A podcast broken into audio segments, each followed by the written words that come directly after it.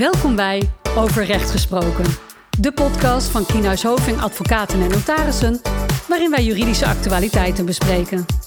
De ene keer aan de hand van een uitspraak, de andere keer naar aanleiding van een interessante juridische ontwikkeling, maar steeds op een heldere en laagdrempelige manier. In wisselende samenstelling nemen onze specialisten je mee door het recht. Daarbij maken zij vanzelfsprekend de vertaalslag naar de praktijk. Het is toch wel een lekker deuntje, Tom? Ja, die doet het uh, goed in Nelke. Ik denk zelfs dat mensen gewoon onze podcast aanklikken alleen om dat deuntje even te horen. Ik vind dat een, uh, ik vind dat een mooi uitgangspunt. Absoluut, die staat. Vandaag voor onze tweede inhoudelijke aflevering. En uh, ik moet zeggen, dit is voor ons toch wel een, een bijzondere. we hebben namelijk verzoeken gekregen voor een bepaalde inhoudelijke podcast. Twee verzoeken zelfs. Ja, dat betekent dat er in ieder geval twee mensen luisteren, Nelke. Ja, dat, dat, dat, dat vind ik een erg mooi uitgangspunt. vandaag gaan we het hebben over de juridische aspecten van het ondernemen. Dubbele punt, de start-up. En een volgende podcast die we zullen gaan opnemen. En dat, dat, zal dus in die zin een reeks gaan worden. Want ze zijn allebei een beetje groot voor gezamenlijke behandeling. Om het zo maar te zeggen, er valt veel over te zeggen. Uh, de juridische aspecten van het ondernemen en dan met name skill-up, Septon. Dus... Ja, want, want daarmee haken we mooi uh, in inderdaad op de verzoekjes die binnenkwamen. Die gingen namelijk over, uh, in, de, in, de, eerste plaats van, goh, waar moet ik nou juridisch rekening mee houden als ik een bedrijf opzet. Ja. Um, en in de tweede plaats ook van, goh, wat nou als ik uh, misschien uh, ja, ooit een bedrijfje wil overnemen of als ik ergens wil intreden, waar moet ik dan rekening mee houden? Ja. Vandaag gaan we het, um, nou ja, we willen het eigenlijk op een bepaalde manier gaan behandelen, dat het zo overzichtelijk mogelijk is. We hebben vier onderwerpen die we voor vandaag hebben uitgelicht. Eén is de rechtsvorm. Twee, IP en NDA's. Drie, contracten. En vier is eigenlijk een soort van nou ja, juridische tips en tricks die jullie uh, nou ja, kunnen meenemen en waarop te letten. Dus wat zijn juridische valkuilen en hoe, hoe, nou ja, hoe, hoe kan je daarop letten? Ja, ook op basis van onze ervaring. Hè? Want wij krijgen natuurlijk vanuit uh, ja, onder andere onze vestiging uh, op de gallery bij de, bij de UT... krijgen wij toch regelmatig ja, start-ups aan ons bureau. Zeker. Dus vandaar dat we ook toch wel uh, kunnen aangeven waar, waar, waar bedrijven tegenaan lopen, waar start-ups zoal tegenaan lopen. Maar eerst een persoonlijke vraag. Tom, als jij geen advocaat was geworden en je had een eigen bedrijf willen starten, wat was dat dan geweest? Nou, dan zou ik zo'n mooi leven hebben gehad. Nee, ik zou, ik zou ongetwijfeld iets gaan doen met evenementen en muziek. Ik, uh, ik heb echt een voorliefde voor muziek. Het zou mij superleuk lijken om dan een, uh, ja, een evenementenbureau te starten en misschien festivals te organiseren. Zoiets. Maar de uitdaging is natuurlijk altijd om beter te zijn dan de partijen die er al zijn. En om toch een beetje innovatief te zijn. En dat is natuurlijk misschien wel moeilijk. Wat zou jij doen? Ja, dat vind ik wel een, uh, vind ik wel een leuke vraag. Ik, ik, ik, laat ik vooropstellen, wat ik doe nu vind ik hartstikke leuk. Maar ik heb voor mijzelf eigenlijk de keuze gemaakt op de middelbare school op een gegeven moment om rechten te gaan studeren. Maar ik heb eigenlijk ook wel dierenarts willen worden. Dus dierenarts? Dierenarts, ja. Dus ja. Uh, voor hetzelfde geld had ik anders nu een, een dierenkliniek gehad, Tom. Ja, dat, uh, nou, dat was je vast goed afgegaan, Nelke. Wie weet. Wie weet. Nou, het kan nog. Nou, daarvoor vind ik dit nu veel te leuk, Tom. Oh, gelukkig maar, gelukkig maar. Ik vind het ook hartstikke leuk dat je er bent. Dus, uh, nou, goed om te horen. Goed om te horen, ja. Nu gaan we onze luisteraars meenemen in, uh, in waar wij mee te maken krijgen en wat voor, een, uh, wat voor vragen wij krijgen. Um, maar eerst, eigenlijk bij het begin. Als je een onderneming start, wat voor verschillende rechtsvormen zijn er en waarom zou ik voor een bepaalde rechtsvorm kiezen? Um, hier mag ik jullie wat meer over gaan vertellen. Ik denk dat de bekendste rechtsvormen zullen zo ongeveer zijn de maatschap, de FOF en de BV. Er zijn er natuurlijk meerdere, maar we beperken ons even tot de meest belangrijke. En uh, afhankelijk van hoe jouw onderneming eruit gaat zien en met wie je de onderneming start, kies je voor een bepaalde rechtsvorm. Start je bijvoorbeeld rechtsvorm met een andere nou, compagnon, om het zo maar te zeggen, dus ben je met twee of met meer personen, dan ligt bijvoorbeeld een FOF of een BV wat meer voor de hand. Maar start je een onderneming alleen en ben je nog kleinschalig en ben je aan het opbouwen, dan kan je bijvoorbeeld ook kiezen voor een eenmanszaak. Um, het grote onderscheid tussen aan de ene kant de eenmanszaak en bijvoorbeeld de FOF en de BV aan de andere kant is het karakter van deze ondernemingen. Een BV, dat zul je misschien al wel eerder gehoord hebben, die heeft minder risico's met aansprakelijkheden dan een FOF en een eenmanszaak. En dat komt omdat een BV eigen rechtspersoonlijkheid heeft, wat inhoudt dat hij een zelfstandig drager is van rechten en verplichtingen. Dus om even wat moeilijk jargon makkelijk te maken, als er een schuld is aan de, uh, of van de, van de BV, dan blijft die schuld in principe ook van de BV. Behoudens bijzondere omstandigheden, maar dat gaat deze podcast nu even te buiten. Dus op het moment dat er sprake is van een, van een schuld van de BV, dan is de BV daarvoor verantwoordelijk en die moet betalen. En kom je niet zonder meer bij de bestuurder of de aandeelhouder terecht. Terwijl, als je kijkt naar de eenmanszaak of de FOF, ehm, daar bestaat het risico dat als de FOF een schuld heeft, dat in principe de vennoten ook in privé aansprakelijk zijn. Dus heb jij risicovolle activiteiten die er worden verricht, of is er sprake van een, ja, een risicovolle onderneming, eh, dan is het wel belangrijk om in het achterhoofd te houden dat schulden van de FOF in principe ook nou ja, impliceren dat sprake is van schulden aan de vennoot in privé. Dus, even resumerend, eh, op het moment dat je een eenmanszaak bent en je sluit een contract met een leverancier, Mhm. Ehm, dan moet jij er zelf aan voor zorgen dat die factuur wordt betaald. Dus in principe, het contract gaat weliswaar naar de eenmanszaak, maar je bent net zo goed in privé daarvoor aansprakelijk voor die schuld. Dus ook als je de onderneming stopt, Ook als je een onderneming stopt, klopt. dat, eh, dat heeft wel consequenties. Zeker, het heeft de consequenties, maar er zijn natuurlijk ook wel voordelen, gelukkig. Als je kijkt naar de eenmanszaak of de FOF. De oprichting ervan, dat brengt gewoon minder kosten met zich. Want een overeenkomst, en of dat die nou schriftelijk is of mondeling... dat is in principe al voldoende voor de oprichting van een FOF. Eh, terwijl als je een BV wil oprichten, dan moet je akte en statuten hebben... en dan moet je eigenlijk langs de notaris. Dus eh, dat brengt meer oprichtingskosten kosten met zich. Eh, en ook heeft de fiscus nog wat voordelen voor eenmanszaken en voor, voor de FOF. Op het moment dat je wat kleinschaliger bent nog, dan heb je bepaalde kortingen die voor jou van toepassing zijn. En die heb je in principe niet meer op het moment dat je een BV opricht. En zo'n eenmanszaak, daarvoor hoef je geen contract te hebben of een ander document. Nee, wel inschrijving in de Kamer van Koophandel. Dat is redelijk overzichtelijk. Zo is het. Oké. Ehm, en een BV, dat gaat dan via de notaris? Ja, dat gaat via de notaris. Dus dat is echt een notariële akte die daarvoor moet worden opgesteld. Ehm, dus ja, op het moment dat je groter wordt, dat is misschien nog wel goed om op te merken. Op het moment dat je in eerste instantie bijvoorbeeld een eenmanszaak of een FOF hebt, maar je wordt groter en de orders stromen binnen, dan kan je altijd nog omzetten naar een BV. Eh, dus eens gekozen rechtsvorm wil niet zeggen dat dat de rechtsvorm is waarmee je altijd blijft werken. Oké. Ik denk dat we al vrij uitgebreid over rechtsvormen zijn ingegaan. Maar mochten er nog specifieke vragen zijn, of mocht je er toch nog meer over willen weten, dan ehm, eh, Stuur een verzoekje. stuur een verzoekje. Eventueel maken we er een aparte podcastreeks van. Dus dan wordt het gewoon de juridische aspecten van het ondernemen, dubbele punt, de rechtsvormen. Maar voor nu lijkt me dit even voldoende. Ja. En eh, Tom, volgens mij ga jij ons nu meer vertellen over eh, IP en NDA's. Ja, klopt. Dat is, dat is ook een heel eh, een breed onderwerp. Het intellectuele eigendomsrecht. Daar val- vallen heel veel eh, verschillende, verschillende rechten onder. Hè. We hebben merkenrechten, zoals eh, Coca-Cola, dat kent iedereen wel. Maar ook octrooien, eh, modelrechten, auteursrechten. Nou, zo kan ik nog even doorgaan. Voor nu lijkt het mij goed om even de focus te houden op de merkrechten en ook op ehm, ja, de octrooien. Want dat is toch wel wat wij voornamelijk, eh, nou ja, de vraag die wij voornamelijk van startups krijgen. Nou, wa- wat is een merk? Hè? Even in de eerste plaats. Nou, een, merk is eigenlijk een, een, een teken waarmee je, je jouw onderneming of je product of dienst laat identificeren bij het publiek. Zo'n merknaam moet je registreren. Dat doe je in principe bij het eh, BOIP, dat is het Benelux Bureau voor de Intellectuele Eigendom. Eh, en dat resulteert, als het merk wordt verleend, in een eh, Benelux-merk. Dus je hebt dan een merkteken wat in de Benelux gebruikt kan worden en beschermd is. Wat je ook kunt doen, eh, als je een bredere bescherming wil in meer landen, is bijvoorbeeld een Europees merk. Maar dat loopt via een andere procedure en dat is ook wel, wel wat, wat kostbaarder. Dus voor nu even de focus op het eh, Benelux-merk. Dat zien wij ook het meeste. Eh, met het Benelux-merk heb je een bescherming van eh 10 jaar. Eh, en dat kost 250 euro. Dus dat is relatief goedkoop. overzien. Te overzien, inderdaad. Het voordeel van zo'n merk is dat je kunt voorkomen dat een ander bedrijf of een concurrent met, jou, ja, eh, met jouw merk van doorgaat. Hè. Dus dat ze jouw merk gaan misbruiken, gaan gebruiken. Of een concurrent zomaar jouw merkproducten gaat verkopen of verhandelen. Dat wil je natuurlijk niet, want jij hebt geïnvesteerd in je eigen bedrijf. Jij bent zelf bezig om je merk op te bouwen, om een bepaalde reputatie neer te zetten. En dan wil je niet dat een andere partij daar zomaar mee aan de haal gaat. Nou ja, daar investeer je tijd en geld in. Daar investeer je tijd en geld in en dus is een goede bescherming belangrijk. Wat eh, van het merkenrecht afgeleid kan worden is het handelsnaamrecht. Ik zal er nog even heel kort eh, op ingaan. Zo'n handelsnaamrecht, dat is eigenlijk de naam waaronder jij eh, je, onderneming gedreven wordt. Dus op het moment dat je nou, bijvoorbeeld Kienhuis Hoving bent, dan heb je met Kienhuis Hoving ook al een handel- handelsnaam te pakken. En je kunt er ook op, tegen optreden als een ander bedrijf onder eenzelfde of een verwarrende handelsnaam gaat werken. Dus er zijn op zich wel meer stokken waarmee je kunt slaan dan alleen het merkenrecht.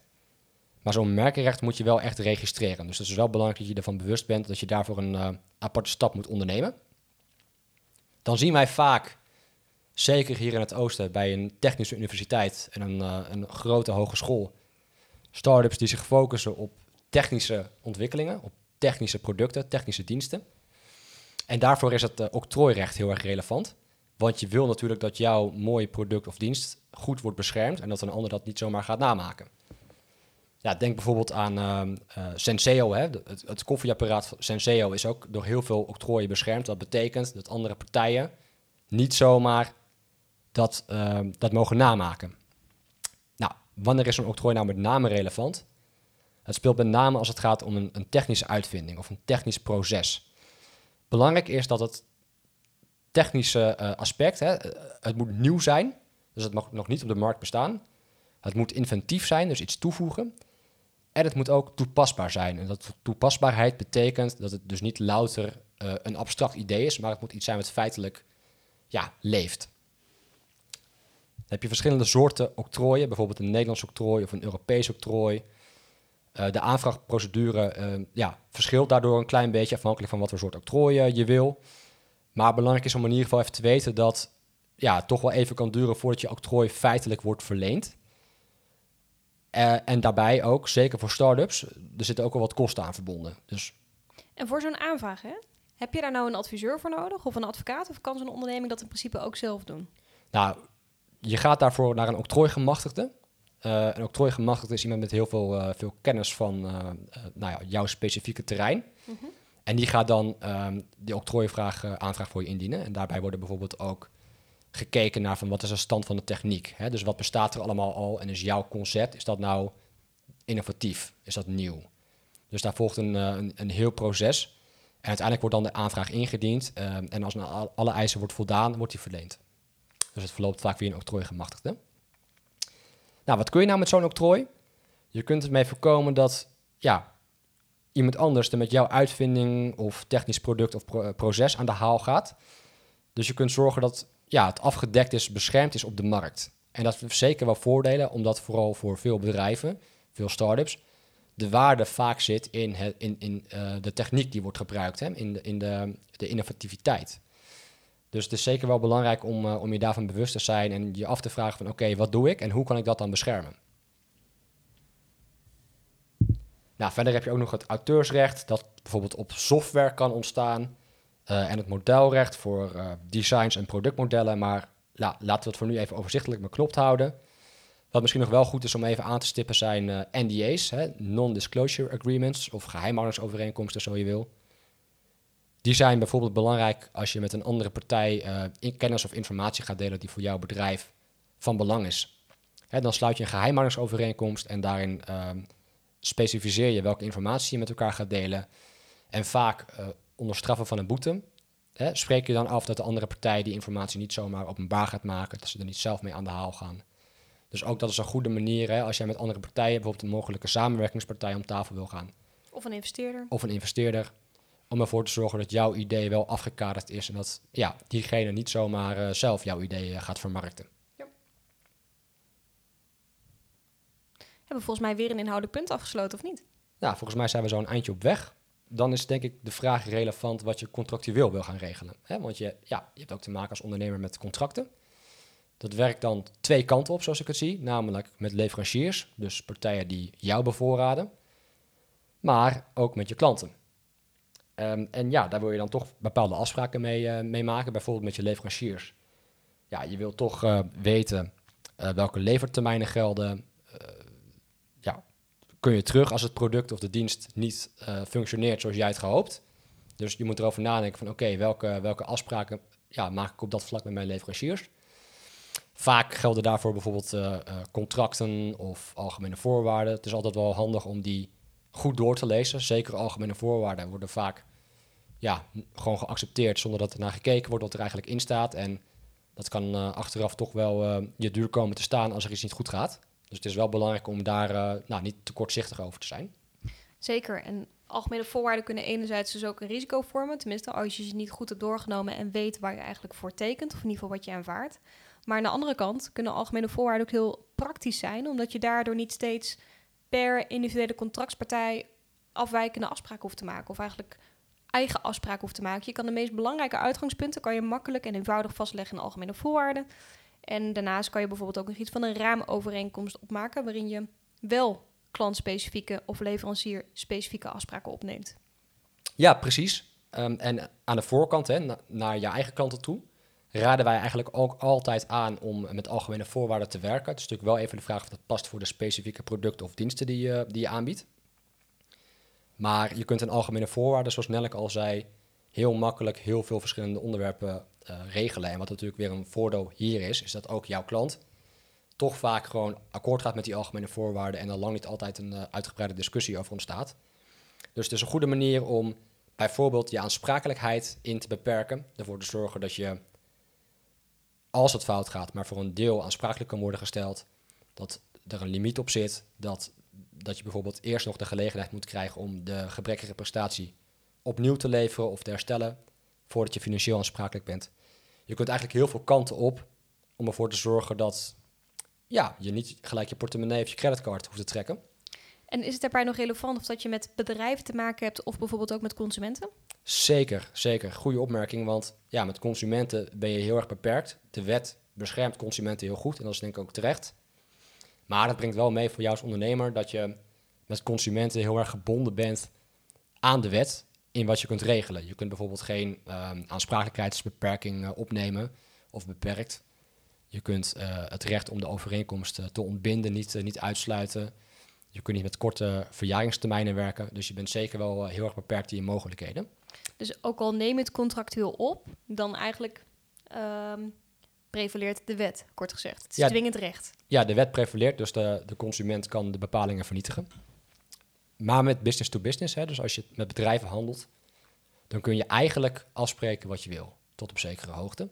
Dus je bent dan eigenlijk heel vrij in welke afspraken je maakt en uh, hoe je die vormgeeft. Dus ik zou zeggen, doe daar vooral je voordeel mee.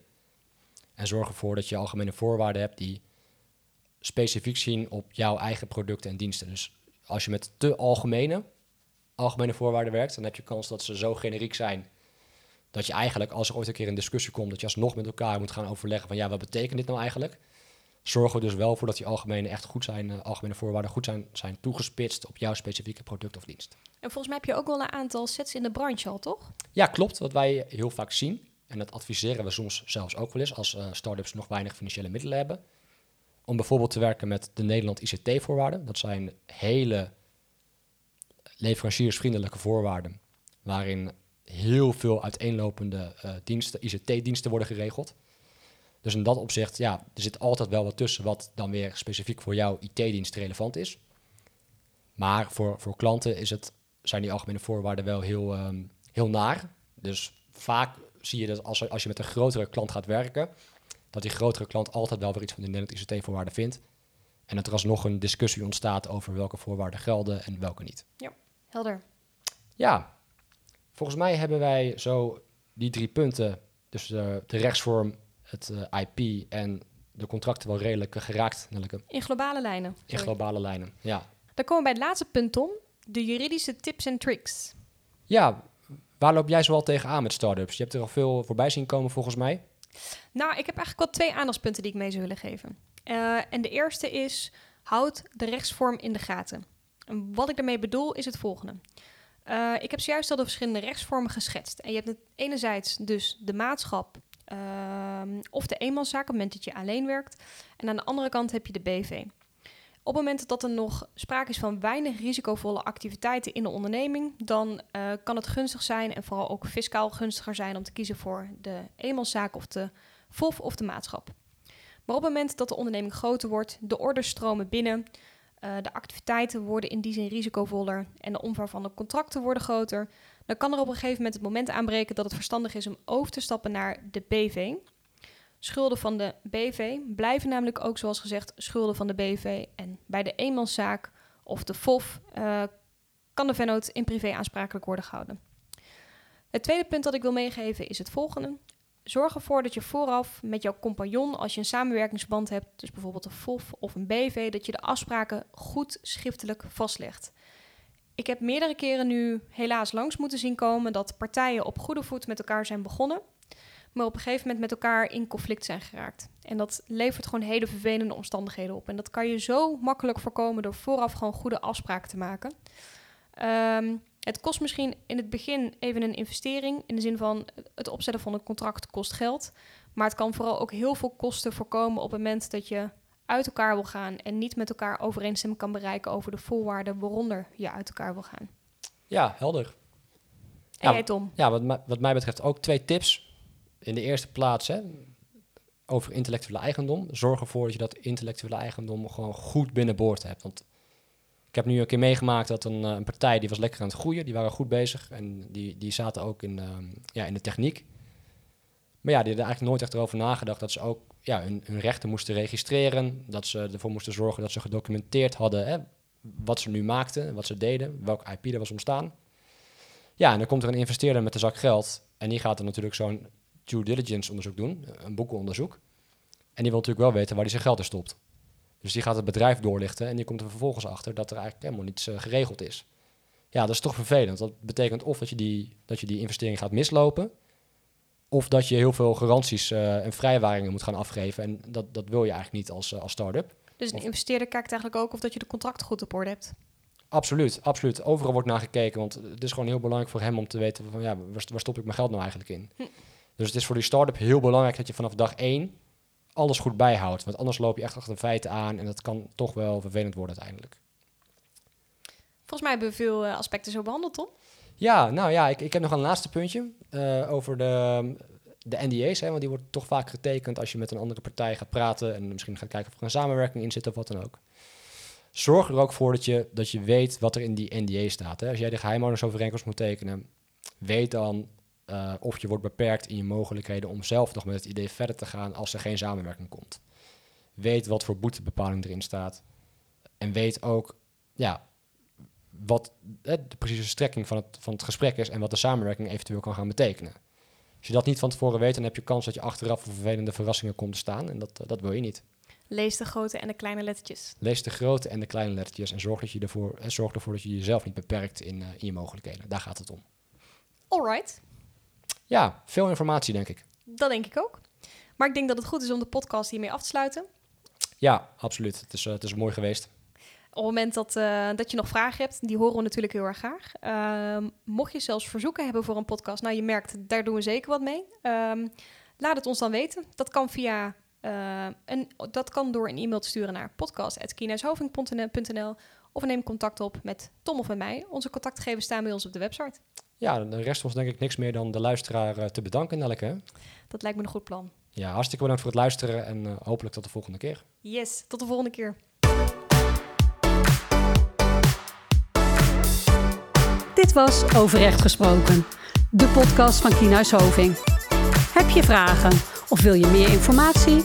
Stuur dan een e-mail naar podcast.kienhuishoving.nl of check onze website.